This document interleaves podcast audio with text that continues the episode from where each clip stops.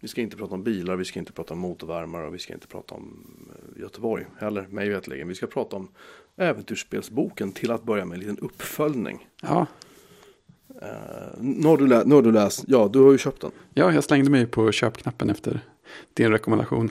Mellan det att eh, avsnittet spelades in och att det kom ut så att jag skulle hinna föra alla eventuella lyssnare. Så att, den kom ju i posten precis dagarna innan jag åkte iväg till familjen på julledighet. Och den var ju, det är ju en rejäl pjäs. Så att den får ju inte plats på högkant i min bokhylla och den fick ju definitivt inte följa med i packningen. Samma som med Generation 64-boken, den är ju inte heller liten. Alltså de är ju jättepåkostade. Alltså, Ja, men verkligen. Men- jag tycker Generation 64-boken, eller ja, den ser ju mer beskedlig ut i hyllan eftersom den är mer avlång. Den här är ju, så, den är ju så hög den här. ja, Det- jag vet det är inte coolt. Riktigt. Jag har, jag har en bok om, om um, Stanley Kubricks filmer. Ja, Som det här bokförlaget Taschen eller Taschen. ja det är något sånt stora böcker. Förlag. Ja, de ger nämligen ut så här stora specialböcker om regissörer. Du vet, de gör dem. Mm. De har gjort om Martin Scorsese och alla de där liksom, klassikerna. Och så Ja. gav de ut för, det måste ha varit tio år sedan, släppte de en bok då om eh, Stanley Kubrick. Fina Som grejer. är min absoluta favorit. eh, Regissör, regissör. Som vi brukar säga. Eh, Alla favoriter. Och eh, i- den här första upplagan då, när man köpte den. För de, tryck, de trycker typ så här 1000 ex eller någonting. Jaha, det är riktigt små upplagor också. Den, och den här boken kostade, jag vill säga att den kostade 1000 spänn, men jag minns inte. Den kan Nej. ha varit billigare, den kan ha varit dyrare. Men Ja. någonstans mellan 500 och 1000 spänn Ja. Och då så fick man med ett, en filmruta från Stanley Kubricks egna personliga kopia av filmen 2000. Wow. Och den boken har aldrig stått upp i en bokhylla. För det står inte. Den är, den är alltså, om du lägger generation 64 eh, horisontellt så att säga. Ja, Eller ställer den upp på, på, på högkant. det, liksom. det, det, på högkant, på dess läng, längsta kant. Ja. Så är Kubrick-boken ändå större. Och mer än dubbelt så tjock. Den är så tjock och så tung den här boken. Alltså den väger, jag vet inte, fem kilo. Ja. 10 kilo, jag har ingen aning. Den är så tung. Men alltså otrolig. Och den, den här boken går ju, jag tror att den går att köpa typ på Ebay. Och den kostar garanterat inte tusen spänn längre. Nej, jag var på väg att säga det. Det låter ju billigt för en så liten upplaga och en så exklusiv Ja, bok. jag hade, jag hade jättetur. Jag hade Ja. tur också när jag fick tag i en, eh, en bok där han, Matthew Modine, han som spelar huvudrollen i Full Metal Jacket, som också är en Ja. Kubrick-film då. Han skrev en dagbok som heter Full Metal Jacket Diaries. Oh, Och den släpptes i en specialupplaga med där omslaget var gjort i plåt. coolt. Ja, det var, det- och den var också så här, den betalade jag inte många hundralappar för heller. Den köpte jag också, den köpte jag via, eh, jag tror det var Bokus eller någonting. Jag kommer inte ihåg, men det var liksom inget märkvärdigt så. Jag tänkte Ja, det liksom bara fanns. Det bara fanns. Och sen visade det sig att den här var ju numrerad. Oj, oj, oj. Eh, och den är ju inte heller helt lätt att få tag i. Så att jag har haft jättetur med böcker liksom så. Det är ju Uh, jättekul. när det gäller sådana saker i alla fall. Men så att ja, stora otympliga böcker är ju rätt roligt. Det är det ju. Mm, Det är, det är ju faktiskt det. Men det är just problemet att var ska du ha dem? Ja, men jag lyckades ju rensa ledigt en hylla. Jag har en sån här expedit med här rektangulära Ja, just det. rutor. Jag rensade en sån så kan den ligga ner där. Det känns, känns inte helt fel. Jag skulle kunna, skulle kunna skaffa någonting under där snyggt så att den kan vara med lite lutning. Hedershylla. Liksom. Ja, men lite så. Det, det känns schysst. Den var, ju, den var ju tung också. Jag blev ju förvånad över hur vikten på paketet när man såg paketspåringen var så här två och ett halvt kilo. ja, jag fick åka och hämta ut den. Den kom Ja. ju inte i brevlådan direkt. Det, faktiskt, det är jag glad för, för det regnade då. Ja, det, det gjorde det faktiskt när jag hämtade ut min också. Ja, men du bor i Göteborg, det regnar alltid. Ja, det är i och för sig sant. Eh, men, men om boken som sådan, vad ska vi säga? Den är ju, den är ju stor, den är otroligt vacker, den är välredigerad. Fantastiskt mycket bildmaterial, det är ju fantastiskt mycket. Och mycket utdrag av, ett, det måste vara ett rätt stort gäng intervjuer med folk alltså. Ja, de, de har väl, vad jag har förstått så har de lagt ner jättemycket tid på det här. Och, och jag applåderar am, alltså, ambitionen och hela arbetet är ju, det är helt fantastiskt. Men Ja. det, det, fin, det finns ändå, du och jag diskuterade det här lite grann häromdagen, att det finns en liten känsla av att det är lite tillrättalagt. Ja, alltså antingen det eller, att, eller, eller snarare kanske, eller också att eh, man får mer smak och hade velat att någon grävde ännu mer. Jag hade velat ha så här länkar till de fullständiga intervjuerna eller så här, läst vidare om en massa saker. Ja, för menar, det, det var någon, det var i början på boken vet jag, när de pratade om drakar och demoner.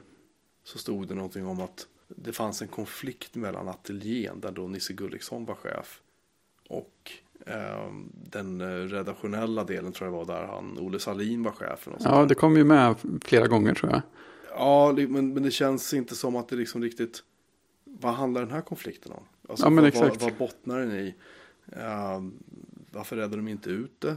Är de polare idag? Medan de såg sig ändå på det här releasepartyt som de hade i den här gamla atomkällaren där under Ja, just det. I Stockholm. Liksom, allt det där, det känns som att det bara har, det känns som att de lite grann har Lite grann som när de jagar den här ubåten i eh, jakten på röda oktober. När de bara släpper sonarbojar överallt och bara kör så fort med ubåtarna så kan inte höra någonting. Ja, just det.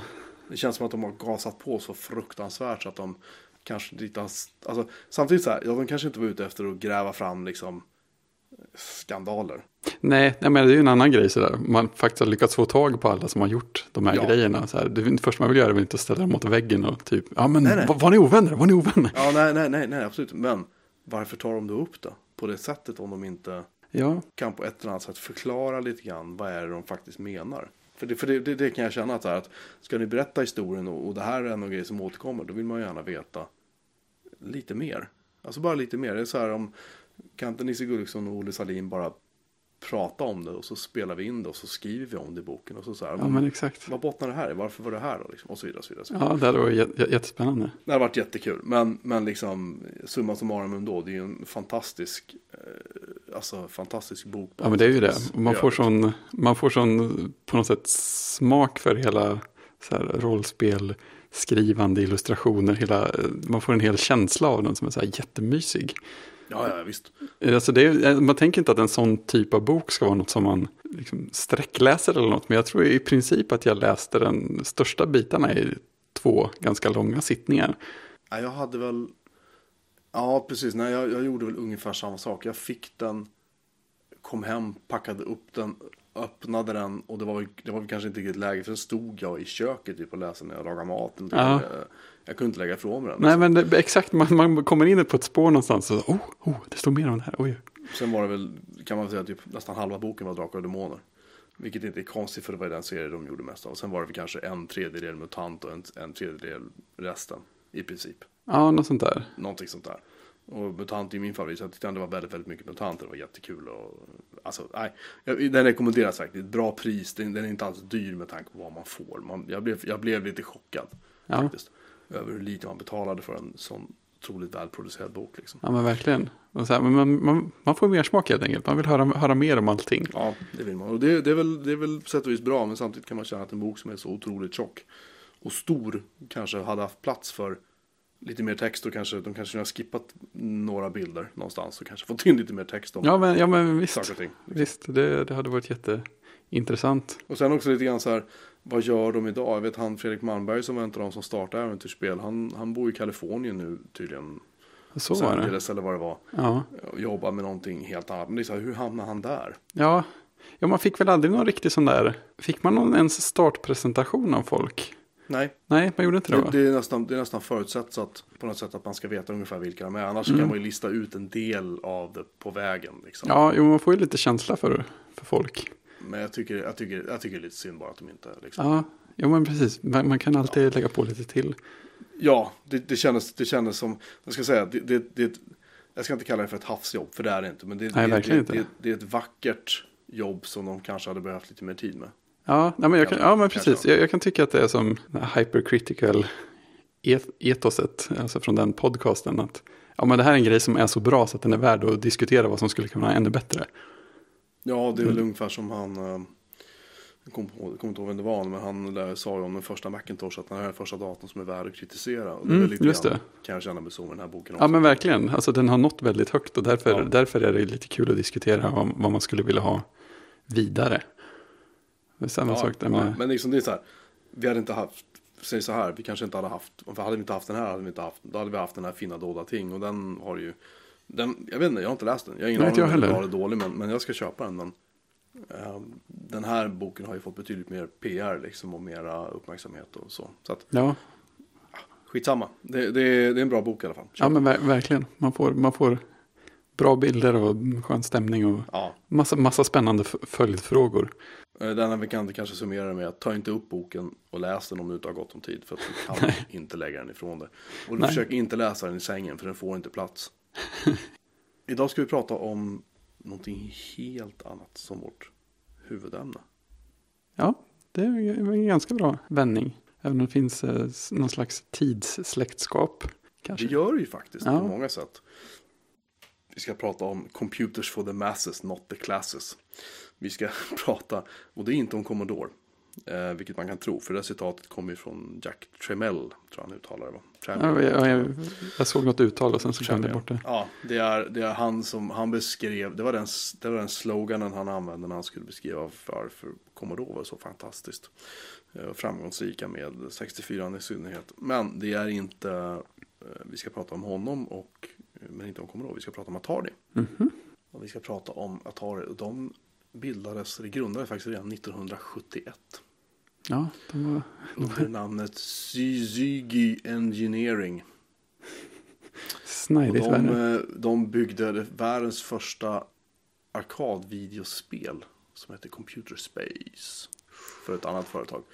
Och 1972 så, mitten på 72 så blev det ett eget företag och så hyrde de en kille som heter Al Alcorn som är något av en legend i branschen. Då. Och då gjorde de eh, en arkadversion av ett spel för en konsol som heter Magnavox Odyssey. Eh, De hade ett tennisspel och då gjorde de ett spel som hette Pong. Det är stort. Pong vet alla vilka det är. Och grejen är att jag har aldrig i mitt liv reflekterat över att det här ska vara ett tennisspel. Nej, nej det, det tänker man inte förrän någon säger det till.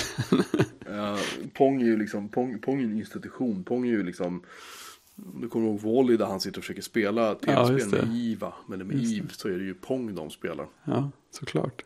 Eh, Men det, här, det, det, känns så, det känns så avskalat. Så det, det borde ha kommit det före allting annat. Ja. Här, innan man hade sport att se på tv så kunde man spela Pong kanske. Typ så. Eh, och att vad som då hände så, det här företaget Zygi Company då, de blev aldrig, de, de registrerades aldrig som ett företag typ. Så att då så eh, startade han istället då företaget Atari och sen så började de då utveckla spel. Eh, 1976 så började det hända grejer för då släppte de nämligen eh, ett spel som heter, eller ett, en konsol som heter Atari Video Computer System. VCS och den hette senare vadå? Den hette Atari 2600. 2600. När de också släppte en konsol som hette Atari 5200 och döpte de om till VCS till 2600. Aha, Och den det är eh, retro-namngivning. krängde ju något fruktansvärt mycket. Pallvis. Ehm, och innan dess så hade de också haft två, eller en kille eh, anställd som kanske är bekant för vissa som heter Steve Jobs som var där och jobbade lite extra. På nätterna för att han På luktade nätterna. illa. Typ. Ja, precis. eh, Och blåste då sin kompis Wozniak då för att han fick upp, Woz, Jobs fick i uppdrag att utveckla ett spel åt Atari. Japp. Eh, Men han var ingen vidare programmerare eller- eller ingenjör eller någonting så att han tog hjälp av Wozniak och sen fick han en bonus på 5000 dollar.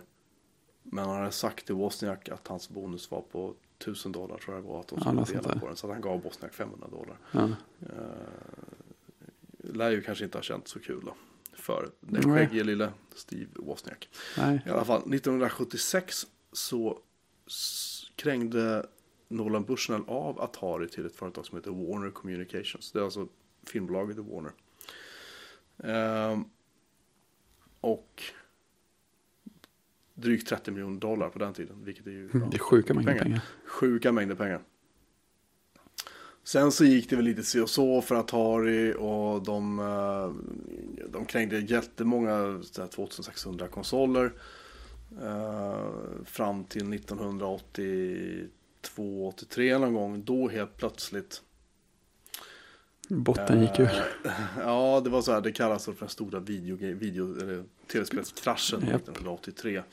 Det sägs att det var ett spel från Atari. Som Ja, hette E.T. som, hette E.T. som, som var liksom grunden för det här. För att E.T. Ja. var ju då en enorm eh, hitfilm. Och då hade Atari köpt rättigheterna till att utveckla E.T. som tv-spel. ja. De gjorde Och- flera miljoner exemplar av Ja, och, grejen var att de också liksom, de hade inte så mycket tid på sig. Det var det som var problemet liksom. När branschen hade blivit lite överhettad och kvaliteten på många spel var väldigt dålig liksom. Ja, det var väl en självsanering. Jag tror att 1983 så gick Atari back typ så här 500 miljoner dollar eller någonting. Vilket är liksom sjuka pengar på den tiden. Japp. Eh, och sen så uh, höll det på och så strulade det runt lite grann. Och de visste inte riktigt vad de skulle göra med de här grejerna Warner. Men de bestämde sig då för tänket att de skulle ombilda företaget till någonting som hette Atari Corporation. Och det berodde på att en kille som heter Jack Tramiel, han som alltså startade Commodore. Japp. Och som Som ett skrivmaskinsföretag. som är skri- ja, nej inte ens det. Han, repar- han, Nej, reparerade. han reparerade räknemaskiner. Så Alltså, alltså mekaniska räkneapparater och skrivmaskiner. Mm. Och tillverkade senare. Ja, han, han importerade och monterade tjeckoslovakiska skrivmaskiner. Det är helt fantastiskt. Så kanske det var till och med. Ja, han satte var- upp Commodore Business Machines som ett kanadensiskt företag för att han inte Just fick importera direkt ifrån Tjeckoslovakien till USA. Så var det. Ja, fint. Ja, han, han, han var ju slug. Han var ju Ja, slug. driven Och, kille. Mycket driven kille. I alla fall, grejen med honom var att han, han var ju inte bara driven slug. Han var ju, han var ju alltså, ska man säga, nästan till ohederlig också. Han, Så pass. var, ja, alltså han, vad han gjorde var när, när Commodore började få liksom lite mer luft under vingarna, VIC-20 sålde ju ganska okej. Mm. Men när 64 kom så blev det ju sån otrolig liksom, succé. Så han kunde ju teckna avtal, alltså det, det man sa om honom lite grann var att även om han hade skrivit på ett avtal, så det ögonblick han vände ryggen till så var det avtalet liksom, om han inte kände för att uppfylla det så var det bara att glömma liksom. Ehm, en anledning till att han kunde hålla så låga priser på 64 var ju för att Commodore ägde sin egna chipfabrik. Ja, just det. De- Det var så de fick fram Commodore PET, va? Eh, Ja, precis. Och sen så tog de fram alla de här special, alltså hela 64 var ju byggd på bara grejer de här killarna utvecklade. Och, ehm, och det var väl kanske tur det att han slapp förhandla med någon annan. Men det som hände var i princip att, att det kunde ju stå liksom en affärskedja och bara vänta på att få leveranser på datorer. Så kom inte de för att han hade fått ett bättre pris från någon annanstans. Och så bara sket han i att leverera. Och han, alltså han, man kan säga att Jack Tramiel, då ska man ha klart för sig när han köper, innan, innan vi går in på den lite grann mer, kanske mer spännande delen av Ataris historia. Eh, och som berör oss som datanördar lite mer. Det är liksom att Jack Tramiels rykte i branschen var inte bra. Nej. Det, Folks, hans kunder liksom tyckte att han var nästan en hjälte. Liksom. Men han var otroligt eh, snål. Han var otroligt dålig på att satsa på marknadsföring. Han var otroligt dålig att satsa på liksom, utveckling. Eh, bortom det att kan vi göra någonting som är lite bättre och som vi kan sälja lite dyrare men som ändå är jättebilligt att tillverka. Ja men Ja. absolut. Men liksom en dator som en Amiga exempelvis skulle ju aldrig, aldrig ha utvecklats under hans ledning. Liksom. nej, han lät väl ganska aktivt bli. De Eh, hade, ja, för de hade i han- princip chansen. Ja, precis. Nej, han ville liksom inte ha med det att göra överhuvudtaget. Ehm, så 1984, första juli, så köper Jack Chamel Atari. Eh, och det är alltså då hemdator och spelkonsolsdelen. Eh, han betalade 50 dollar. 50? Ja, 50 dollar. Och sen köper han då eh, 240, och 240 miljoner dollar då för, i, i aktier och Ja, ja. så Warner då, det slutar med att i princip så får Warner då 20% ägande i den här nya Atari Corporation. Då. Eh, och sen så var det dags för Circus Tramiel kan man ju ändå säga. Ehm, det finns en blogg nämligen som heter dadhacker.com som är, är fantastiskt rolig. Den är skriven av en kille som heter så mycket som Landon Dyer. Han borde väl vara i princip pensionär nu. Men i alla fall, han berättar om hur det gick till. Där han på en fredag eftermiddag i juni 1984 sa att ryktet hade gått att Jack Tremell hade köpt Atari. Och det, det var ingen som visste någonting på Atari om det här. Eh, och det visade sig att eh, han, den här eh, killen då hade en, en jobbarkompis som hade jobbat på Commodore för Jack Tramiel. Och den här killen hade sagt då om det här är sant så tänker jag sluta för jag tänker inte jobba för Jack igen. Han är ett monster. Ja. Eh, och det visade sig att de här ryktena var ju då sanna. Och det började i princip med att Jack Tramiel eh, och hans söner. För att vad han hade velat på Commodore var att han, hans två söner skulle liksom bli chefer. De skulle bli ekonomichef och marknadschef eller utvecklingschef. Allt vad det var. Liksom, de, de skulle ta över hela bolaget, han och hans grabbar då liksom. Och det var Ja. det då som ägaren Irving Gold ville sätta P för. För han insåg att Jack Tramiel tog över bolaget. ja. Eh, men Tramell och hans tre söner då stormade in eh, och eh, satte igång och helt enkelt bara började sparka folk. Det var Ja. liksom fem minuters intervjuer. Ja, de intervjuade alla. Och, och så var det i princip så här, eh, kan du skriva operativsystem? Kan du, vill jobba på en ny dator? Kan du göra ditt och datten? Ja, nej, okej, ut. Ja. De gick från 900 till 100 tror jag. Ja, ungefär så. Ungefär så var det. Det var liksom, nej, det var, nej, det var liksom Motorsåg. helt, det var, det var en motorsåg, det var en slakt. Liksom. Eh, och vad, vad Jack Tramiel då hade bestämt sig för att göra, för han, en, en del av, av grejen med Commodore var ju det att Amiga, företaget Amiga som utvecklade Amiga, det som senare blev Amiga 1000, hade gått till Atari och fått ett lån. Så var det. Då fick Atari någon slags option på att köpa. Precis, tack. Atari fick en option på att köpa företaget Amiga. Ja, och typ hårdvaran de gjorde och sådär. Och grejen var då att sen så, sen så upptäckte ju då Commodore att eh, det här var ju intressant. Japp. och köpte då, löste skulden till Atari. Ja, de, de gick dit med en check på, på samma summa. Precis. Och det här gjorde de alltså mitt framför näsan på, ja, det var alltså Jack Tramiel hade, om jag inte missminner mig, hade Jack Tramiel tagit över Atari. Ja, det var nog- jag tror det jag var han som hade lånat ut pengarna, så han såg i princip att han kunde köpa Amiga för jättebilliga pengar. Och han blev blåst på den här dealen. Och jag vet att vi kommer att få tonvis med mail från massa Atari-ägare nu, precis som vi fick tonvis med mail från en massa Amiga-ägare. Historien här, alltså det, det är inte riktigt, ska jag säga, det är inte riktigt helt tydligt hur det här, allt det här har gått till. Ska vi ändå Nej. flagga för. Det finns en bra bok att skriva där också skulle jag tro. Det finns en bra bok, det finns en jättebra bok om Commodore som heter On the Edge som jag rekommenderar. Jag har sagt det tidigare, men den är jättebra. Så att den rekommenderar. Om Atari finns inte så många böcker. I alla fall, vad som hände var det här. Att då blev eh, Tramell så förbannad så han sa att okej, nu ska vi släppa en dator till marknaden före Commodore. Och det gjorde de, det är helt Och det vansinnigt. gjorde de. De släppte då en maskin som hette Atari ST. Den första modellen som släpptes var då inte en 520 ST. Den första modellen som eller släpptes, släpptes, det första var en prototyp, den hette Atari 130 ST. Den hade typ inget minne. Den hade 128 kilobyte ram.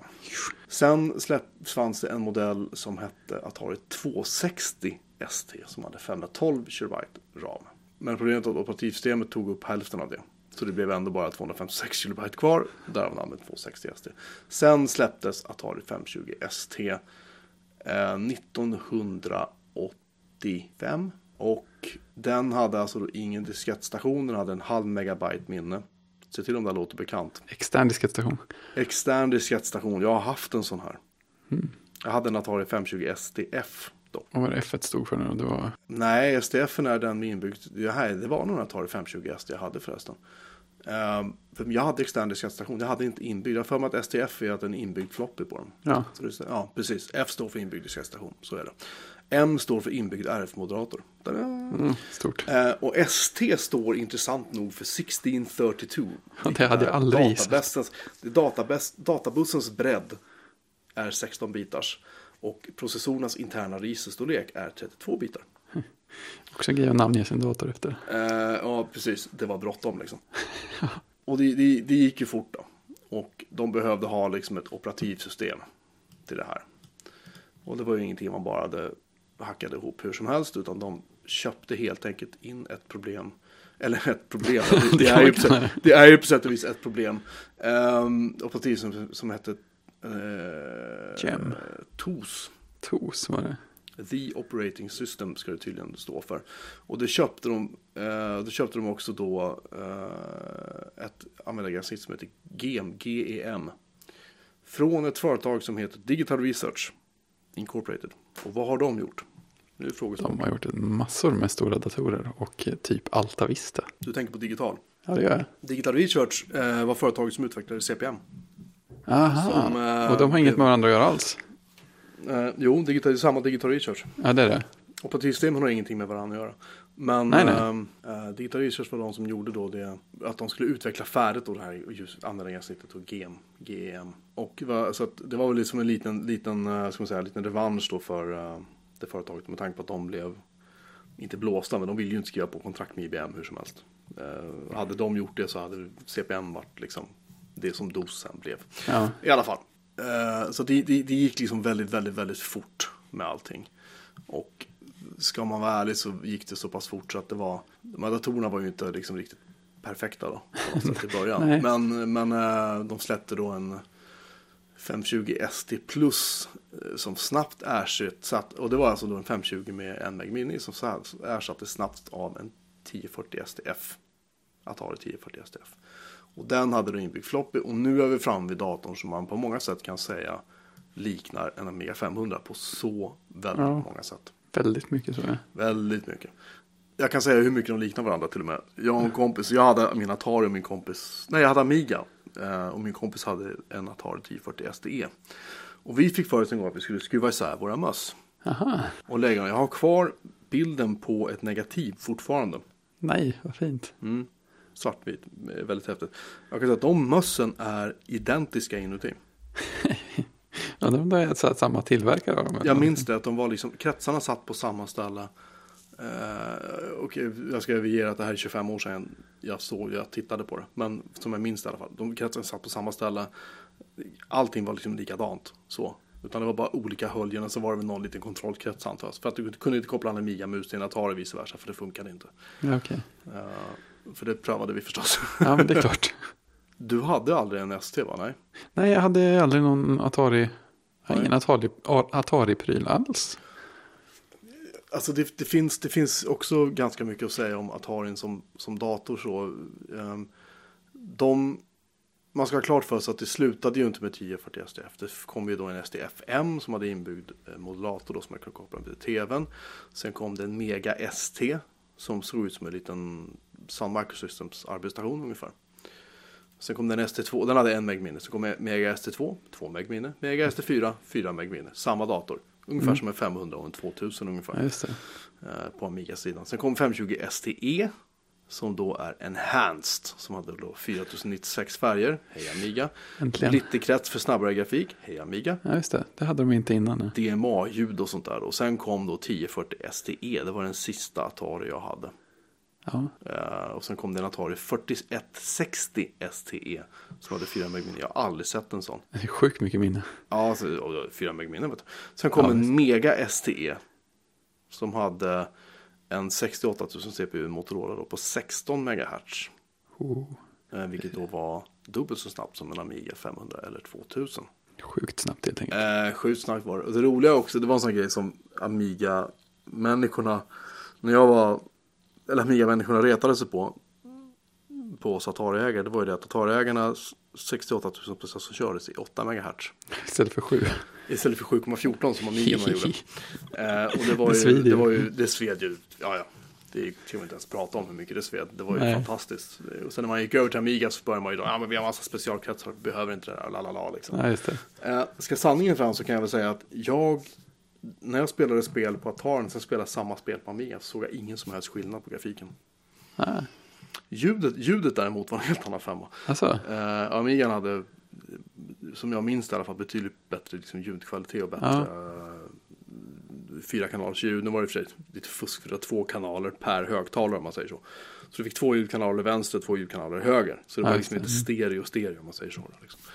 Eh, vilket folk använde det att du kunde ha om du hade musik på ett spel och så hade ljudeffekter så hade ljudeffekterna till vänster och så musiken till höger så det lät ju underligt liksom. På Amigan. Atarin körde ju bara ut normalt stereoljud så det var ju ganska okej. liksom. ja. Sen släppte Atari en dator som hette Stacy. Stacy, det var lite avsteg där i namnserien känner jag. Det är alltså en portabel Atari ST med inbyggd monokrom platt bildskärm. Oh, Mm. Det var liksom, och bakgrunden, bakgrunden till den där, det var ju liksom inte så att Atari-nördarna skulle ha med sig en liten dator, vi kunde sitta och hacka så här basic eller vad vi skrev. Det var självklart så så här att Ataris största marknad var ju inte nödvändigtvis, det här är min uppfattning bara, men det var inte nödvändigtvis hemanvändarna, det var inte nödvändigtvis eh, liksom datanördarna. Även om, även om, ska det faktiskt sägas, att vår kung, kung Carl Gustav, har faktiskt, han köpte faktiskt en Atari ST. Under julhandeln på Stor Liten inne i Gardenianstan för en massa, när, ja, mitten på 80-talet. Ja. Han köpte inte en Amiga. Ehm, ställningstagande får han, han får väl inte göra politiska ställningstaganden. nej, ingen aning. Nej. Alltså, jag tror att jag tror, det kan lika gärna bero på det att många som ville köpa Amiga, det var också en grej som, som var lite grann Jack Tremells arv till Commodore när han drog, det var det att det kunde vara väldigt svårt att få tag i datorer. Därför att han hade ju, han hade ju fuckat upp distributionsnäten Ja, och liksom ja. alla kontakter med de som distribuerade hans produkter när han var på Commodore. Något så fruktansvärt. Och där hade han också problem på Atari sen, därför att då skulle han gå till samma människor igen och säga hej hej, ingen vill prata med jag här igen. Ja, så det blev lite så. Lite jobbigt. I alla fall, så att det kunde vara väldigt svårt. Och jag, jag vet, jag läste om det i någon datamagasin. Att det var många som gick ifrån affärerna med en Atari. Istället Ja, för, för att det inte fanns. Amigor. Amiga gick inte att få tag i. Ja. Hårt. Och jag menar, ska man vara helt ärlig, de flesta spel, inte alla, men de flesta som, som jag upplevde i alla fall av eh, Amiga-spelen fanns också på Atari. Oftast samtidigt kom de ut. Ja. Och de såg alltså likadana ut också. Så, som sagt, jag, jag, jag minns inget spel som såg bättre ut på Amigan jämfört med. Atari. Och återigen, vi kommer att få, säkert få så här massa mail och tweets och grejer. Ja, men visst. Jag hade ju bara Amigor i hela bekantskapskretsen. Så att jag, jag vet ingenting mer än att det, det lät ibland i tidningar man läste som att, att det var, man fick jobba mer för att få ut något närmade sig Amigan ur Atarin. Men jag fick för mig att det var så här skillnad i hur mycket färger man kunde ha och sånt där. Men det, det är klart, det behöver inte spela någon roll i spelen som faktiskt görs. Nej, det var ju när Mega STE kom, det var ju då man fick 4096 färger att leka med, precis som på Amigan. Ja, men det ritar man ju inte sådär superofta med heller. Nej, inte ett spel där du ska rita upp, liksom, rita upp grafiken rörligt snabbt. Därför att du Nej. inte använda. Men jag prövade, jag prövade på min 1200, prövade jag att slå på 4096 färger. Ja, Bara i Workbench, bara för att se. Ja. Det var så här, ja det såg jättekul ut. Men det, det, gick, det var så långsamt att rita upp fönstret Ja. så att jag slog av det. Jag slog ner, tog ner till åtta färger, för det var så det här går inte att använda liksom. nej men visst. att, ju, du, hade, du hade 4096 färger att tillgå. Ja, precis. Du hade en palett av det. Det var inte så att du kunde rita upp 4096. Alltså du använde det samtidigt. Det hade ju sett helt vansinnigt ut. Ja, Vi kunde använda hemläget, men nu var det inte Amigan vi skulle prata om. Nej, nej, precis. Nej, men alltså, Ja, nej. Nej, det är svårt att inte prata om Amiga. För de här två var så nära varandra under så lång tid. Jag menar, ehm, de som gjorde datamagasin på den tiden, de hade ju också Atari-magasin. Det fanns. Det kom, den kom, det kom som, eh, kom som bilagor först till datamagasin. Och sen släpptes den faktiskt som en egen tidning ett, ett kort tag. Tills dess att eh, Ataris försäljning började vika. Mm. Och då försvann den.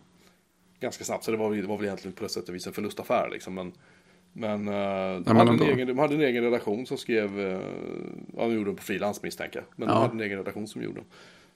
Ja, det var ju samma sak i Hemdatornytt. Där var det ju Amiga och Atari sida Ja, vid fast sida. Hemdator, Hemdator Nytt eller Hemdator Hacking som det hette från början. Den hade ju alla datorer. Ja, men- jo, men visst, jo, men visst. Men jag menar, hade en av dem inte funnits där hade det känts som att det var en skillnad. Men man får ju lite Ja, ja. känsla att det som finns och skrivs ungefär lika mycket om. Det känner man ju, det är ungefär på samma nivå. Ja, ja, absolut. Det roliga var att GEM, just det, det är också en sån här liten detalj. Alltså, anledningen till att Atari ST ibland kallas för en Jackintosh. Ja, just det. Ehm, det var ju därför att Macintoshens gränssnitt ansågs ju av många vara en, en kopia av Macens första gränssnitt. Ja, Atarins gränssnitt, ja. Ansågs vara en kopia av Macen. Ja, förlåt, vad sa jag? Sa Jag tyckte fel? du sa Atari två gånger. Ja, förlåt. Ataris, gräns... ja, i alla fall. Ataris gränssnitt ansågs det vara en kopia av Macens gränssnitt. Ja. Med den lilla skillnaden då att Atari faktiskt hade ju en viss mått av färg i Ja. sitt gränssnitt, vilket inte Macen hade. Nej, nej, det tog ett tag. Även om de flesta, och vi var inne på den här tråden lite grann tidigare när jag rappt bytte ämne. Ehm, de flesta som använde Atarin, som jag upplevde var ju alltså i musikbranschen. Ja, men det är den, den associationen jag har fått också. Och det är ju på grund av de här midi-portarna som sitter i. Ja, Som satt där, om jag inte missminner mig, redan från början. Ja, jag tyckte jag läste det också. 520, Va? ja. Ja. jag tror det. Och det kom ju fantastiskt mycket programvara för det här. Och den här fantastiska skärmen som heter SM124. Snajdigt. 12-tums monokromskärm som är alltså på den tiden var helt fantastisk. Oh. Sitta. Du blev- inte trött i ögonen av den, du kunde sitta hur länge som helst och stirra på den. Och det var bara grå, grå skalor, Ja. ja. svartvit. Var det Atari som gjorde den också? Yes. Coolt. Eh, och den var ju lite lustigt då att om du också skulle ha då en färgskärm till din Atari så fick du alltså då koppla loss din monokrona skärm och sen koppla in en färgskärm istället eller en tv då för att kunna köra. För att färgskärmen kunde ju inte visa det monokrona läget och vice versa för det var olika Ja, upplösningar. De var tvungna att stödja grejen aktivt. Ja, grej, precis. Och att de kunde göra den här Stacy då med den inbyggda monokrom bildskärmen var ju i mångt och mycket för att musikerna skulle kunna släppa med sig sin Atari. Ja, Eh, ja, ja förstås och sen släpptes en SD-book då som var lite mer som en, ja riktigt, ser ut som en vanlig notebook i och för sig. Och sen grejen att de här, Station tror jag sålde en del, SD-booken vad jag vet gick inte något vidare. Sen kom eh, två maskiner som är liksom så här mytomspunna nästan. Den ena mer än den andra. Den första som är, som är liksom den säljs idag begagnad alltså för 10-15 000 kronor. Skulle jag säga. Och det är en Atari Falcon 030 eller bara en, en, eh, ja, en 030 helt enkelt. Falcon, kalla det vad du vill liksom. Den hade en 68030 eh, på 16 MHz och det är alltså i princip vad 1200 är. Ja, en ST1200. Eh, och så kunde alltså upp till 14 megabyte minne i den. Och den var snabb. Den var, den var så snabb så det liksom, den skämdes inte ens. Alltså, den var, den var, alltså att den är så svår att få tag i är för att det gjordes inte så många av dem.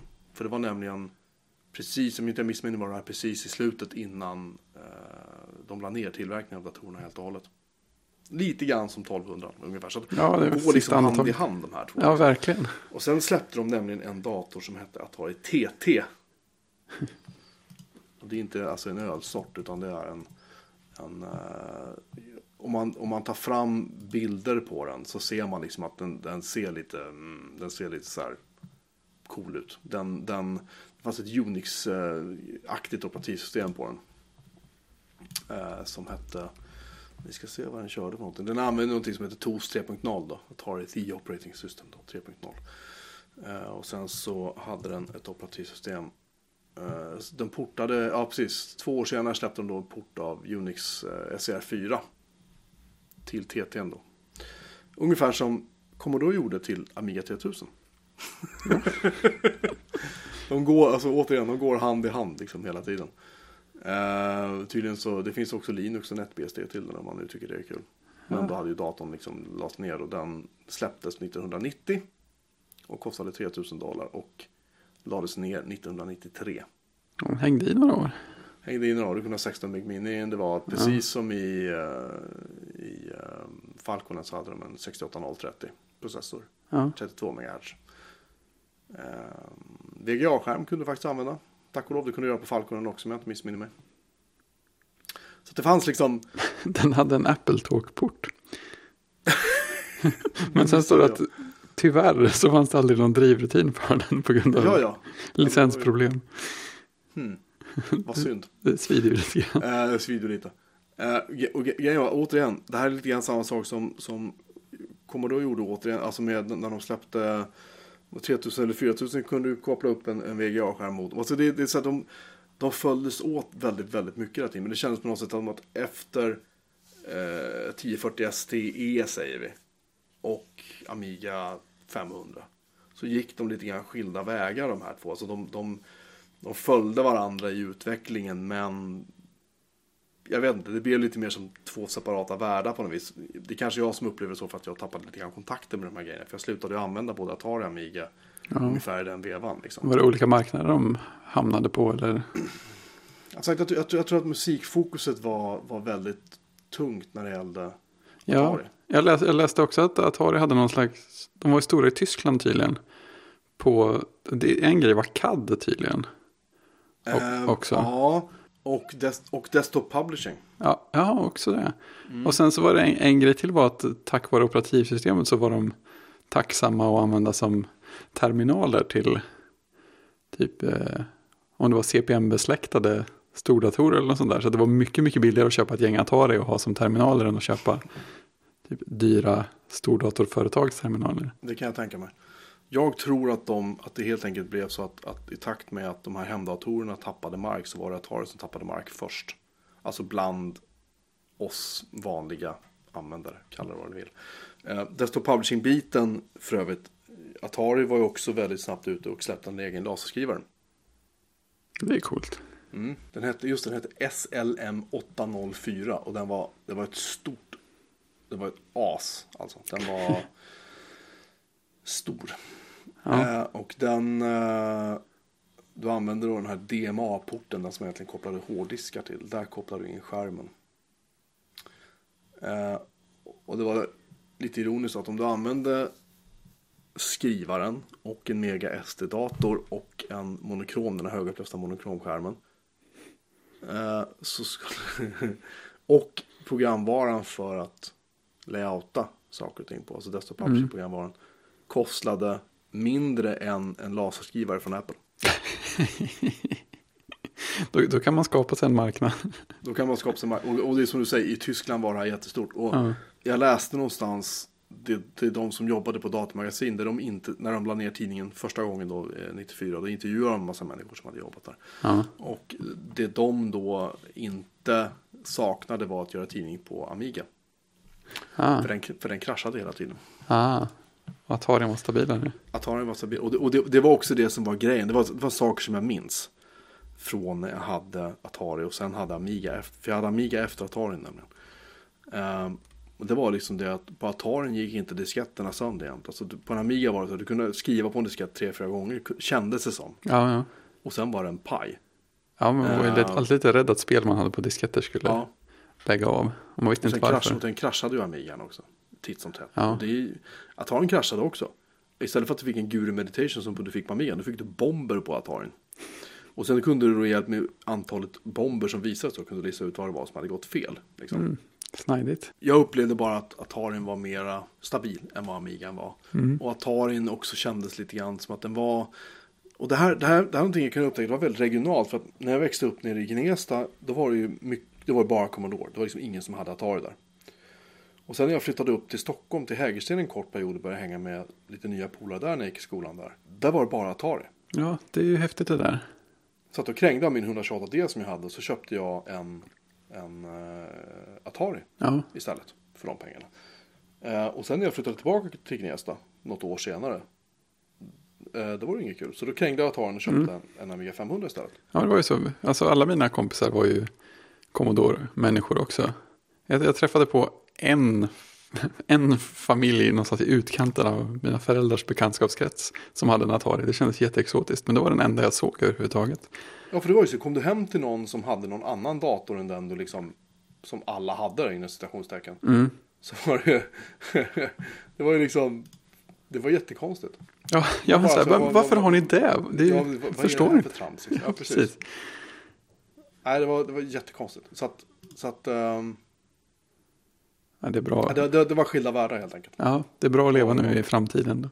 Folk, man kan hitta andra med samma dator på internet. Men, Ja, fast grejen är att det är eh, baske mig inte lätt att hitta de här grejerna. Eh, Atari är, är jättesvåra att få tag i.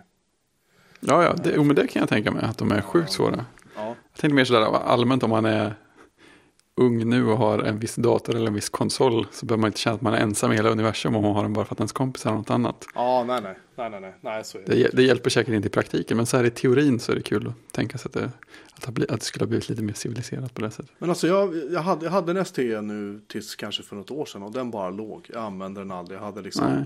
visst jag hade ju, jag hade liksom lite spel och jag kopplade in den till en tv och så att jag körde lite. Men det var liksom så här, ah, vad ska jag med den till? Jag kanske aldrig riktigt var en Atari-kille då, även om jag liksom ville vara sådär på något vis. Det var mer en social grej. Det var mer en social grej. så Jag hade den för att mina polare hade den och sådär. Eh, jo, en dator som jag också ska nämna som Atari gjorde. Som var...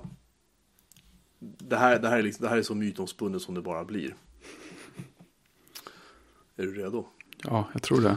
Atari släppte en arbetsstation som hette Transputer Workstation eller ATV 800. Oh. Eh, och grejen var att den släpptes 1989. Och den krängdes i tre, eller 350 exemplar levererades. Så pass. Du kunde ha maximalt 16 meg, meg minne i den. Och det roliga med den här var att den här bestod av egentligen av tre delar. Det första var ett vanligt moderkort. Ja, Där det var en dator som en T800-20 Transputer med 4 meg minne. Den kunde ha 16 meg minne på. en Och sen T800 hade den- alltså. En, en miniversion av Mega SD-datorn. Som var liksom IO-processorn med en halv meg minne. Jaha, och sen- Playstation, sen kunde- Playstation 2-upplägget. Ja, lite grann så. Och sen kunde du alltså sätta i då ytterligare fyra transputers. Som instickskort, det är ju jättehäftigt. Så du kunde expandera den där. Du kunde ta den då totalt 13 stycken transputers på den. Med Wow. 16 meg på varje. Det är ju helt galet. Eh, så du kunde fasa ut då, ja 20 MHz kunde du köra med då. Och den kunde då få ut då totalt 10 mips per kort. Och det hade ett operativsystem som hette Helios. Som såg ut ungefär som Unix. Den hade ingen, ingen minnesskydd överhuvudtaget. För att det fanns ju ingen MMU, Oh. Nej. Memory Management Unit, i den där. Nej, Eh, sköt så, det själv.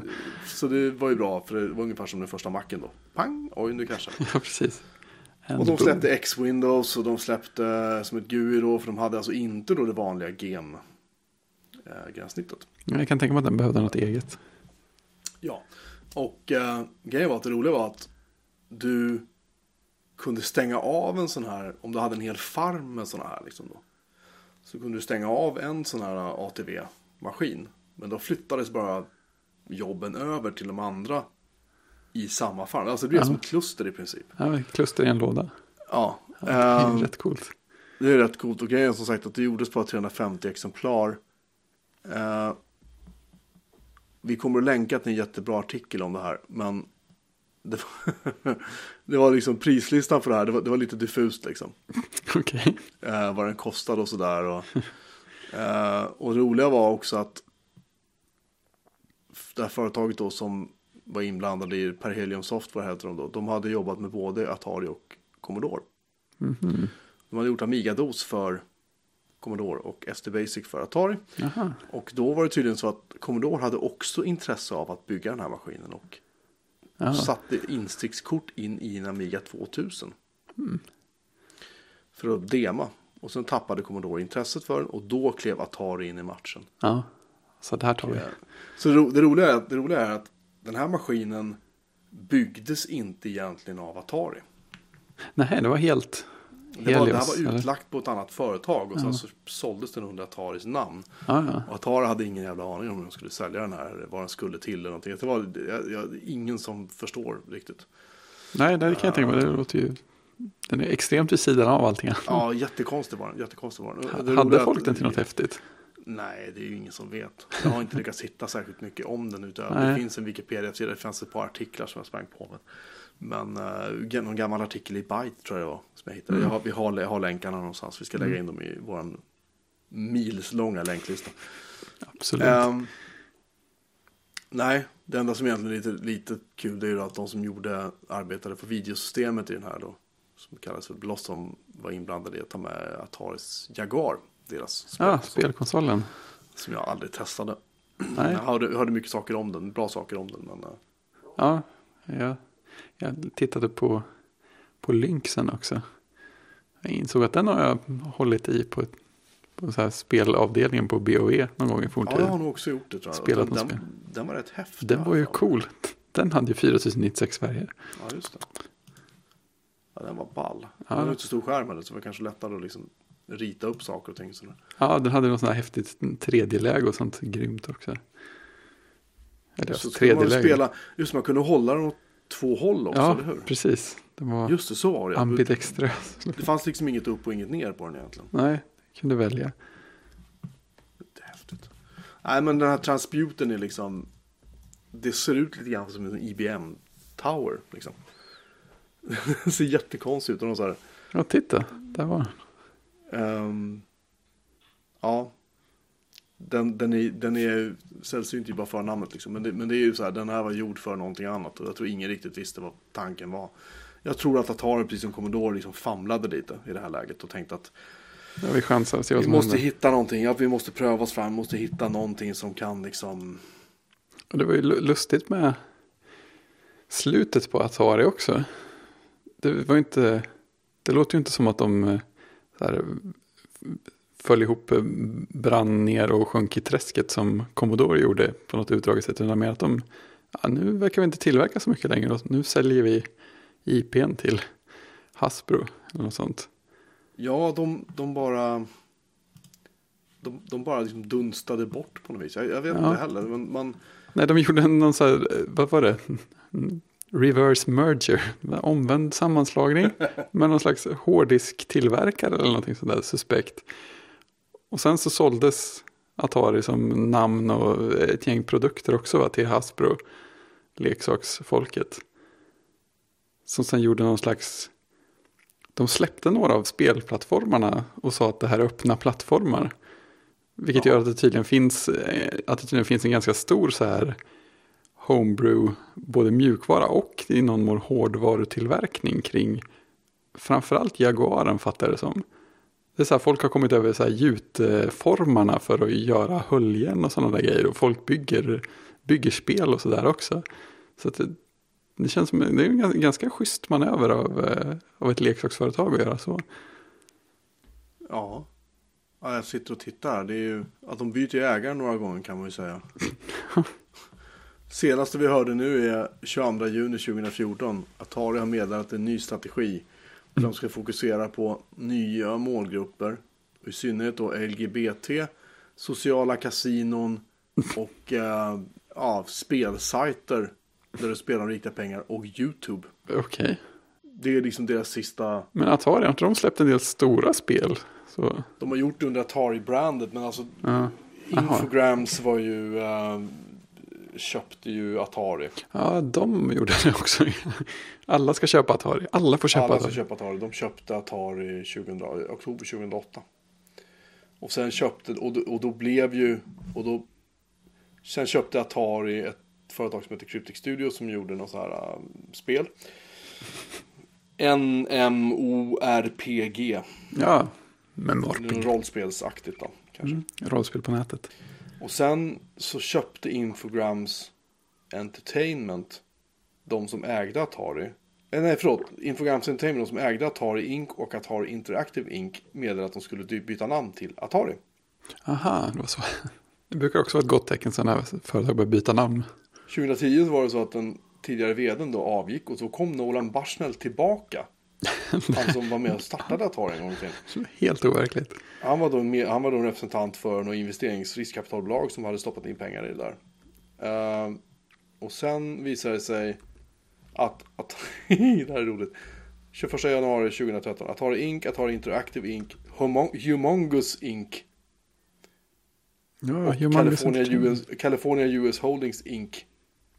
Uh, meddelade då någon sorts, uh, vad heter det, Chapter 11 att du alltså hamnar under konkursskydd då, skydd mot ja. Uh, företag som vill ha pengar av dig helt enkelt. Yep. I USA. Och uh, alla tre Atari-företag då lyckades ett år senare resa sig från den här konkursen då. Och lansera Atari Casino Alltså det känns, det känns inte som att resa sig. Det börjar kännas lite dört i det här ärligt Ja, ganska. Uh, nej, alltså det, det, det, kunde kanske lika gärna ha fått sluta någonstans. Jag vet inte, alltså. Ja, precis. Vi kan vi kanske ta slutet på datorkarriären. Det är lite roligare att prata om. Ja, det känns Eller bättre så. Veta. Men i alla fall, de, Atari köpte, 1987 så köpte de ett företag som heter Federated Group som gjorde att de fick då hyllplatser eller alltså platser i butiker. 60 butiker i Kalifornien, Arizona, Texas och Kansas i USA då. Uh, och Wikipedia skriver då, at a time when major American electronics outlets were reluctant to carry Atari branded computers. Ja, ja ingen vill kan, ha oss att göra. Det kan bero på Jack Tremells historia återigen då liksom. Däremot ja. så var det två tredjedelar av alla Atari-datorer på den tiden såldes i Europa. Ja. Ungefär som Commodores datorer gjorde. Ja. 1989 släppte de Lynx. Eh, som någon sorts konkurrent till Gameboy och det gick ju sådär. Och sen så bestämde sig Atari för att stämma Nintendo. Eh, för att Nintendo ansågs ha ett monopol tyckte Atari då, och Atari förlorade det. 1993 släppte de Jaguar, den första 64-bitars spelkonsolen. 64 bitar inom citationstecken tror jag. Inom citationstecken, ja. Precis. 1996 eh, så hade det varit ytterligare ett antal stämningar fram och tillbaka. Det gjorde att Atari hade massor med pengar på banken helt plötsligt. Så inga och, produkter. Och Lynx och Atari hade gått åt helskotta. Så de hade inga produkter att sälja för de hade lagt ner liksom Atari-datorerna och allting var ju borta liksom. Så ja. Jack Tamell och hans familj då sålde helt enkelt av bolaget. De gick ihop med ett bolag precis som hette JTS Inc. Ja, det, det, var det. Det var det du sa. Just ja. Sen så eh, blev Atari i princip bara de bara hade hand om tillgångar och var, liksom varumärken och sånt. Ja. Eh, och så var det tills de här GTS då sålde Ataris namn och tillgångar till leksakstillverkaren Hasbro Interactive för 5 miljoner 1998. och det är alltså en femtedel av vad Warner köpte Atari för 22 år tidigare. Ja. Jag tycker att det borde ha varit tvärtom. Men ja. Ja, det hade kunnat. Ja, det var en intressant liten datorhistoria där. Den, Så man kan i princip säga att från 1984 sa vi va, när ST lanseras. 85, förlåt, när ST lanseras. Så går det från 85 fram tills 89 när det börjar gå åt helskotta. mm. Ja, Och 1993, det är alltså sju år senare, Så har, säljer de i princip inga datorer längre. Och 1996, 12 år senare, så har de inga datorer kvar ens en gång. Och sälja 12 år. nej. Och då det, var bolaget i princip borta liksom. ja, på något slags nedspunnet sätt. Är det, är det det man kallar för en, så här, en kort exit-horisont? Kanske skulle kunna vara så. Alltså grejen med att ta det är så att jag önskar att det fanns så mycket mer, och det finns säkert mycket mer att prata om så, det är inte det. Men jag menar, nu pratar vi väldigt breda Ja, men visst. breda bolag. Men grejen är ju så att om du tittar på, återigen, det, det är som historien med Amigan. Det var så här, det kom datorer som definierade liksom en hel generations uppväxt och liksom som skapade, jag menar, hur många skivor var det inte som gjordes med en Atari som navet för alla midesyntar liksom. Ja, precis. Varför pratar alla ingen om det? Nej, alltså jag, jag minns jag läste en artikel bara för ett tag sedan. Det var någon, någon, någon skivmänniska som sa det att, eller han var producent eller vad han var. Han sa liksom det att Atari till denna, att han använde fortfarande Atari i sin musikstudio. För han sa det, det finns ingen annan dator i historien som hade så bra timing på midi-portarna som Atari hade. Nej. Tydligen väldigt viktigt. Ja, det. Ehm. ja, precis. Så att, Och, och musikprogrammet Logic. Som Ja. Apple, Apple till slut köpte. köpte Ja. Det började på Atari. ja, och det fanns I ett Tyskland. program. Ja, självklart. Det fanns ett program som heter Steinberg Pro 24. Ja, just det. Atari en gång tiden som jag lekte lite grann med hos en kompis som hade mycket syntar. Och det var ett fantastiskt roligt program. Det var så lätt att bara göra musik på det. Och det var ett sequencer-program. Det var inga, inga samplingar, det var ingenting sånt. Det var bara midi, in med syntarna, kör liksom. Ja, det är så det ska vara. enkelt att jobba med. Så att, det var liksom där någonstans som det var det Atari gjorde under lång tid. Jag såg, jag såg en film med, jag tror det var Roxette.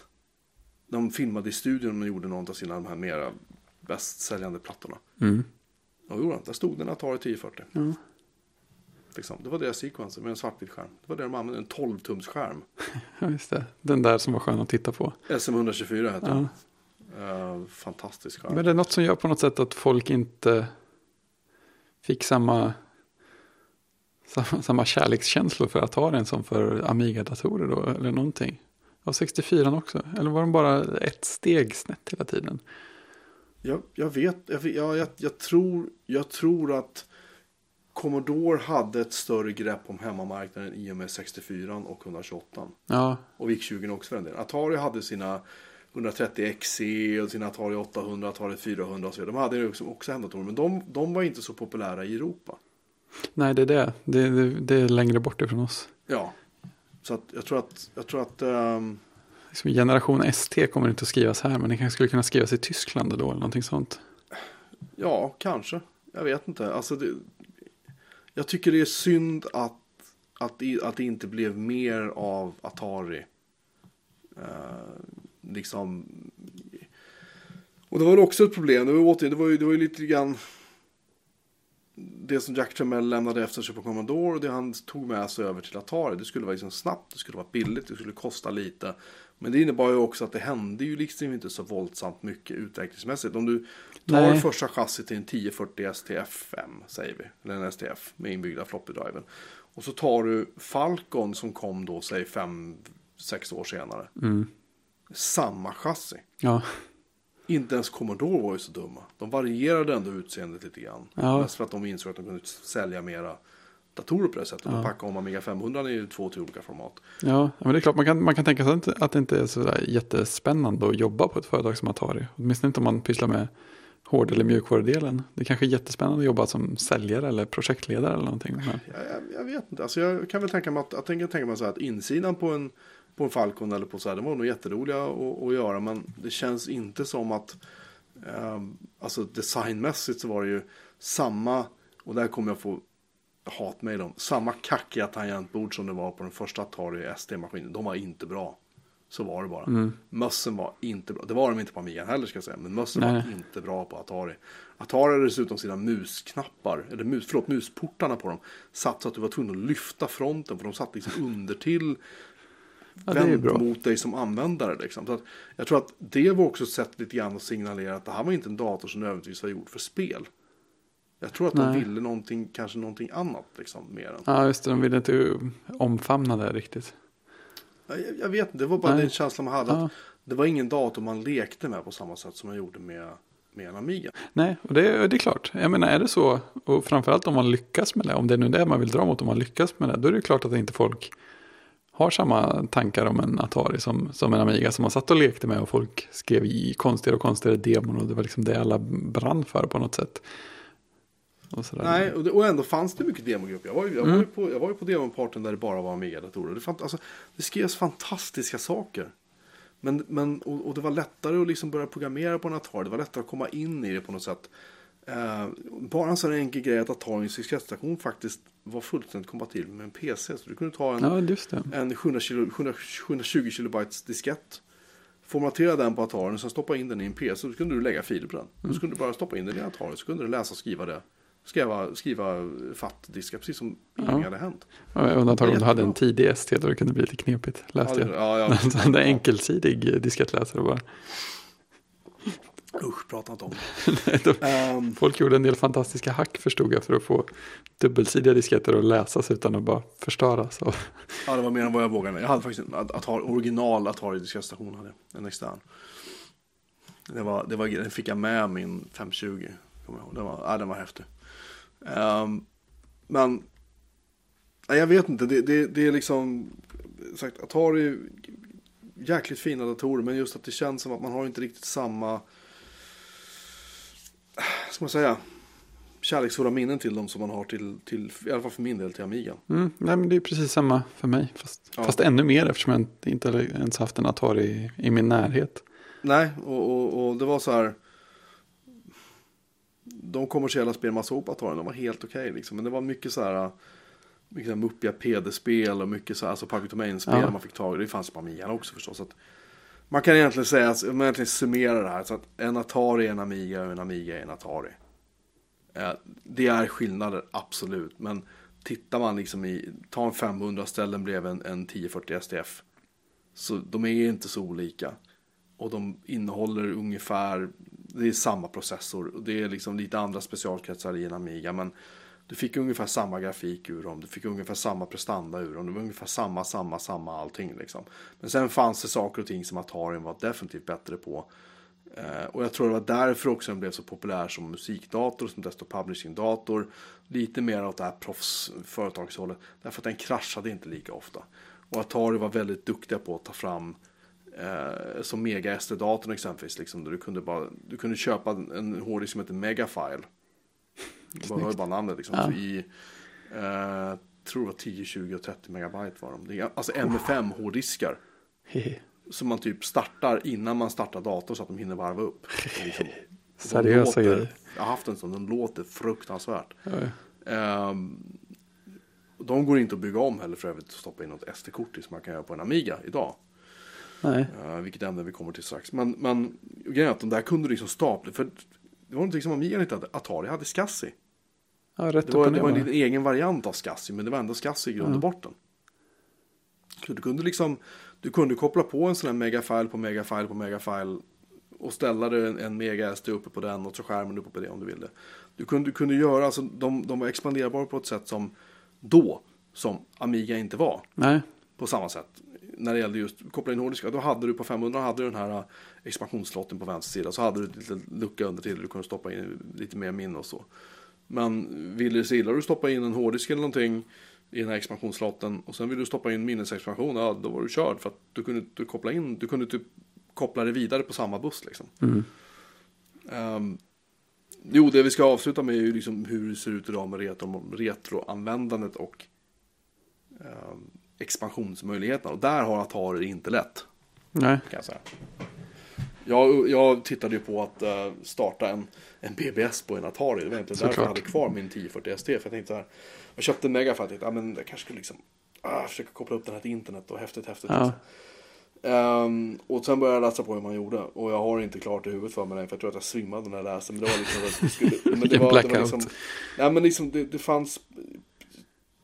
Här, här var ju Commodore lite smartare. Och här kan man väl se att tiden sprang ifrån Atari på ett sätt. Därför att en 1200 har det här uh, PCMCA-slotten. Den har en ID-kontakt inuti. Och det hade för sig Falconen också. Men de har, alltså, expansionsmöjligheterna var mycket, mycket bättre på det här. Det skrevs en TCP/IP-stack ganska tidigt för en 1200. Så du kunde koppla upp den på internet och prata TCP/IP. Ja, Det, fin, det finns inte. nej, men det kommer väl tillbaka li- lite där du sa att Atari var mer fokuserade på snabbt och billigt. Amigan tog ändå några steg i hårdvaruutveckling. Ja, alltså jag, jag menar, jag, jag, kan, jag kan inte... Det är klart att det går att nätverka en Atari, det är inte det. Men, men inte, på det, inte på det sättet som vi gör här. Utan här får man koppla... På Atari får man koppla liksom någonting till serieporten som sen omvandlar det till Ethernet i princip. Ja, ja men det känns Det är lite inte som... riktigt det man är ute efter va? Nej, det känns lite som, som den nivån där när folk eh, får en eh, 64 och twittrar och sånt där. Det, är- ja, det, är häft, det är imponerande att det går, men det är liksom inte det är där det stannar. Jag hade, jag hade faktiskt nätverkskort med 128 men sen ska man säga, ah, jag köpte det använde jag det aldrig. Nej, För jag bara så här, vad ska jag göra nu? ja, precis, vad gör jag? Det var, det var liksom, jag hade inte tid och Vad- ork. Jag, är- jag, är en, jag är en dålig människa. Sitta och hand, handsticka sina egna TCP-paket. Ja, precis. Och, du, och jag känner många via de här retrogrupperna på Facebook som använder eh, Atari. Svenska Atari-klubben är en fantastisk institution. Man kan gå in på www.sak.nu. Eh, De tar just nu inte emot medlemmar för att de har inte riktigt listat ut vad de ska göra med föreningen. Men de har liksom Ja. funnits i jättemånga år. Ja, Det finns massor med kunskap där så det kan vara värt att liksom är man nyfiken så gå dit och läs. Får ni höra och läsa betydligt mera bättre information än vad jag har kommit med idag känns det som. för att Atari, Atari det, det är ett svårt ämne just därför att det var så länge sedan jag använde dem på allvar. Även om sagt, jag sålde min bara för ett år sedan. Eh, men det, det är just en dator som man aldrig riktigt fick en relation till. Inte jag i alla fall. nej, Hade jag haft syntar hemma när jag hade en Atari växt upp. Eller hade jag liksom, du vet, något sådant, programmerat mer på den. Då kanske jag hade känt mer att det här var kul liksom. det är spännande. Jag har ju Eh, någon kollega eller två som har pysslat med syntar och elektronisk musik. Jag skulle höra om de har någon relation till Atari. Ja, kolla absolut. Ja. Jag menar, ehm, och sen med den, absolut, egentligen, den egentligen värsta grejen med Atari ST överhuvudtaget. Det var ju varje gång du tryckte en tangent så kom det ett ljud. Ur högtalaren om du hade kopplat en högtalare till. Alltid. Så blipp, blipp, blipp, blipp. Jag satt och skrev så. Blipp, blipp, blipp, blipp. Skulle radera mycket text så blev det. Jag känner hur hjärnan börjar smälta. Ja, och det, det, det, Det blev aldrig stort är- som obehandlade va? det var, nej, det var inte kul. Och sagt, tangentborden på de där var ju inte roliga heller. Så jag förstår för mitt liv inte hur man kunde skriva särskilt mycket på dem egentligen. Men nej, det är en annan historia. Ehm, Men vi, räknar, vi räknar med att eh, det hör av sig en annan lyssnare och upplyser oss mer. Det ser vi fram emot. Vi, vi Eller jag, jag ser fram emot, jag vet inte om Jocke gör det, men jag ser fram emot det. Eh, nej, men alltså sagt, jag, jag, jag gillar konceptet Atari. Jag tycker de är snygga. Jag tycker att, de, jag tycker att det var liksom Det var kul datorer att hålla på med för sin tid. Du, du fick Istället för att köpa en Mac för 15-20 tusen kunde du köpa en ST för kanske 5 tusen. Så Mm. fick du en grafisk miljö som, eh, om sanningen ska fram, var betydligt bättre än vad Workbench någonsin var under den tiden i alla Mm. fall.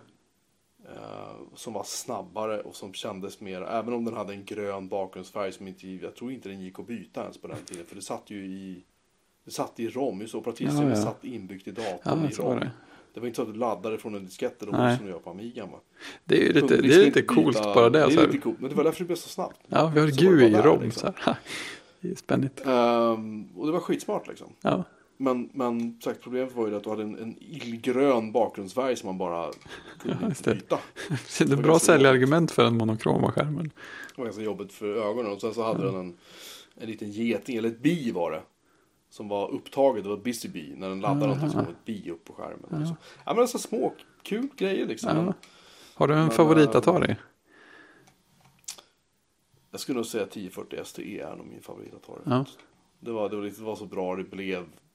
På Så ST-trädet? länge jag hade Atari. Ja, det Ja. var det jag hade nu då. Men, men eh, jag tror inte att jag skulle uppskatta en Falcon om jag hade haft den. Jag tror inte jag hade uppskattat en. Jag tycker TT'n ser, ser grym, den ser grym ut liksom. Mm. Men sak där, jag vet inte riktigt om jag skulle. jag tror inte jag skulle ha någon nytta av den om jag hade den idag, ärligt talat. Nej. Det, det,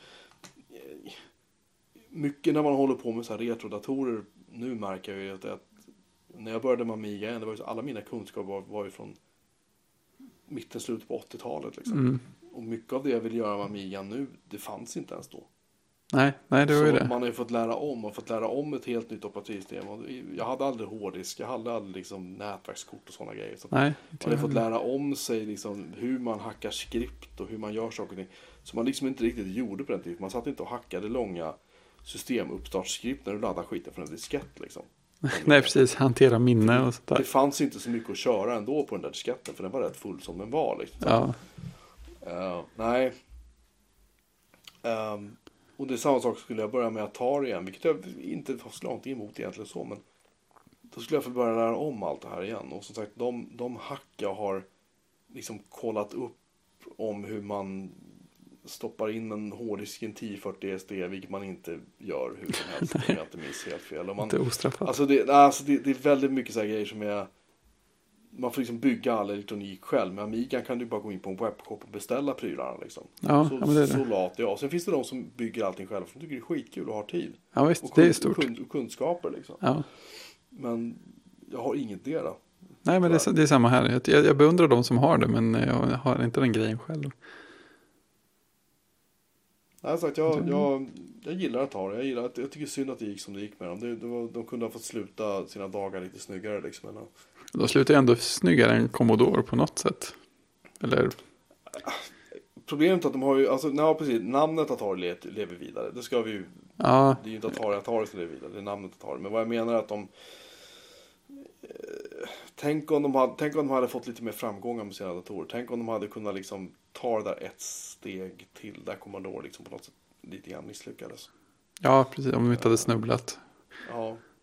Men de hade kunnat bli en desktop publishing kungarna liksom. Det var ju lite ironiskt att det, det som räddade macken var det som också på sätt och vis räddade Atarin under många år liksom. Ja, just det. Sen när Macen kom tillbaka så folk fortsatte använda den för DTP så hade de där andra Atari och Amiga runnit ut i sanden. Så då var det Ja, mest. ja, jag tycker det. Och jag menar, ibland har vi debatter på olika BBS jag hänger på så här, tänk om. Tänk om någonting, tänk om Commodore hade gjort så här eller så här och så här.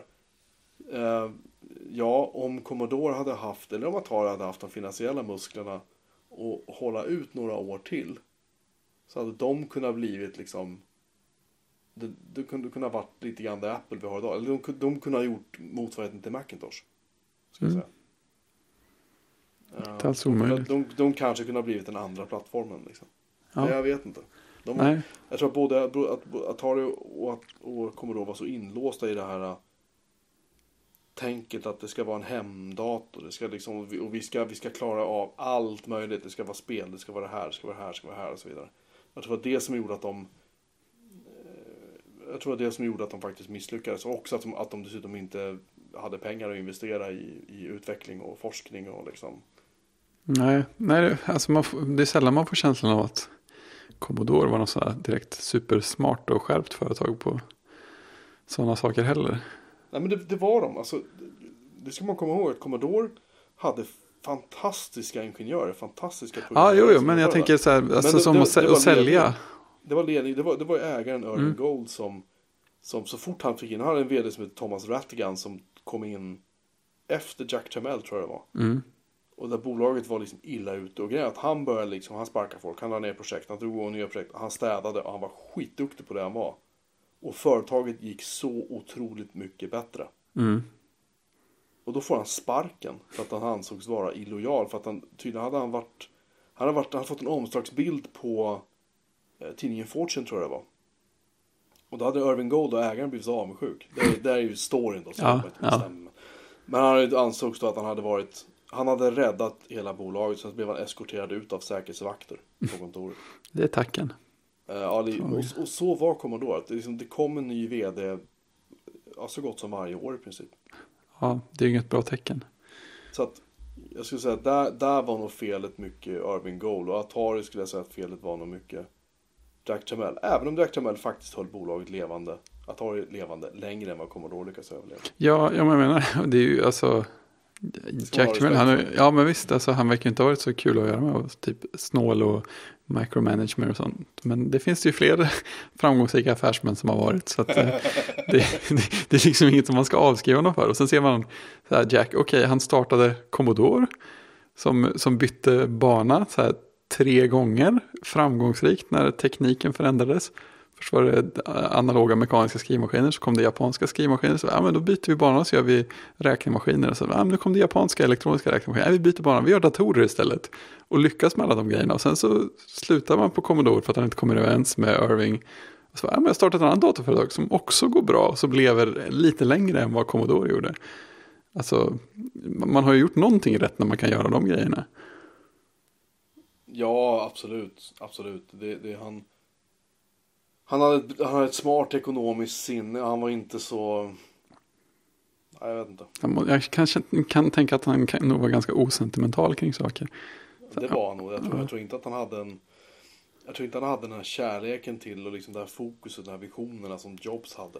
Liksom. Nej, Utan det handlade bara om, alltså, det handlade om så här, vi ska tjäna pengar. ja, Och, och sen kan vi sälja snöslungor i Sahara eller vad fan som helst. Precis. Vi ska, vi ska bara tjäna pengar. Det är det vi satta på jorden för att göra i det här Ja. företaget. Sen bryr jag mig inte om vad ni gör. Gör någonting som kostar lite som vi kan sälja dyrt. Ja, men precis. Do it liksom. Ja. Det fanns nog, jag tror att visionen var nog, det var nog inte så mycket bortom det. Och sen, sen ska man också komma ihåg på 80-talet så var det, det var inte så mycket vision i det Apple gjorde liksom med Macen. Det var ju så här, ja ja. Ja, Det- nej, men precis. De var ju inte på rätt spår då heller. Nej, men det var lite hipstervarning på det. Medans det, det var mycket, mycket mer snack om så här snabbare processorer, snabbare det, snabbare det, snabbare det och liksom mera det. Och, Ja, men visst. Större siffror på allt. Det var mycket mer fokus på sånt på den tiden. Tycker jag än vad det nu. För nu är det inte Ja, men absolut. Absolut. Så. Nej, jag. Eh, jag ska nog, jag ska nog skaffa en Atari. Pratat upp suget här lite grann. Ja, men faktiskt. Ju mer vi har pratat om det nu, ju mer börjar komma tillbaka liksom lite saker. Ja, det, Jag kanske, mm, nej, det är svårt alltså. Jag, jag, jag, jag rensade lite i, eller jag var tvungen att gräva i några, några små lådor med saker. Jag hittade min gamla Circom Rex. Men den är ju svår att koppla in till någonting nu för tiden. Men den är fin. Oj, vad fin den är. På ett väldigt billigt sätt. Men Jag hittar här också, du vet det fanns Det fanns nästan en Unix för Atari ST. ja, it's a Unix system. Eh, Tramell-släkten hade lyckats köpa en licens för AT&T's Unix. Jaha. Eh, och bestämde sig för att det där ska vi trycka ut på allting liksom. Ja, Eh, hade kunnat bli något. Ja, Problemet var bara det att ST hade ju ingen minneshantering och Nu kommer du och gnäller om det. det gick liksom inte att köra. Det gick inte att köra Linux eller Unix på den överhuvudtaget. Eh, Men så där säger teknikerna jämt. Nej men det var, det här var han som skulle porta, porta Unix till Atari. Men det är det jag säger, så säger teknikerna jämt. Men, Nej men det här går inte. Det är min hantering. Du är programmerare, du, du Ja, ja. bryr dig om sånt där längre. Det finns ju bara liksom. Det är omöjligt. Som systemet ser ut idag så går det inte att göra. Ja, nej. Nej, jag ska nog skaffa mig en Atari. Det får bli så helt enkelt. Ja, nästa vecka tror jag det kan bli en... eh, Det kommer vi garanterat ha uppföljning från det här avsnittet. Men sen så... det, det, det. Sen har vi faktiskt ett annat väldigt kärt ämne att diskutera. Men det... Ja, det kan, det kan bli trevligt. Ja, Jag tror på det. nu har jag ont i halsen. Jag, jag, det är andra kvällen i rad jag poddar nu. Ja, det, det är kul. Så take it away Fredrik. Ja, som sagt, ni ska ju höra av er med all information. Sk- Skriv långa mejl till hej och twittra oss om ni vill skriva kortare saker på Bjureman helt enkelt. Ja, Och sen får ni hemskt gärna skriva vad ni tycker på iTunes också och sätta ett betyg. För att det gör oss jätteglada och gör att folk har en, ja, en liten chans att springa på oss där också. Och det tycker vi är kul. det tycker vi är jätteroligt. Och tack för att ni lyssnar. Tack så hemskt mycket för att ni lyssnar. Och på återhörande, Ja, kan man säga så? Ja, det tycker jag. Vi har gjort det nu. Då måste det vara rätt. Tror jag hinner köpa en Atari före dig. Eh, Ja, det tror jag.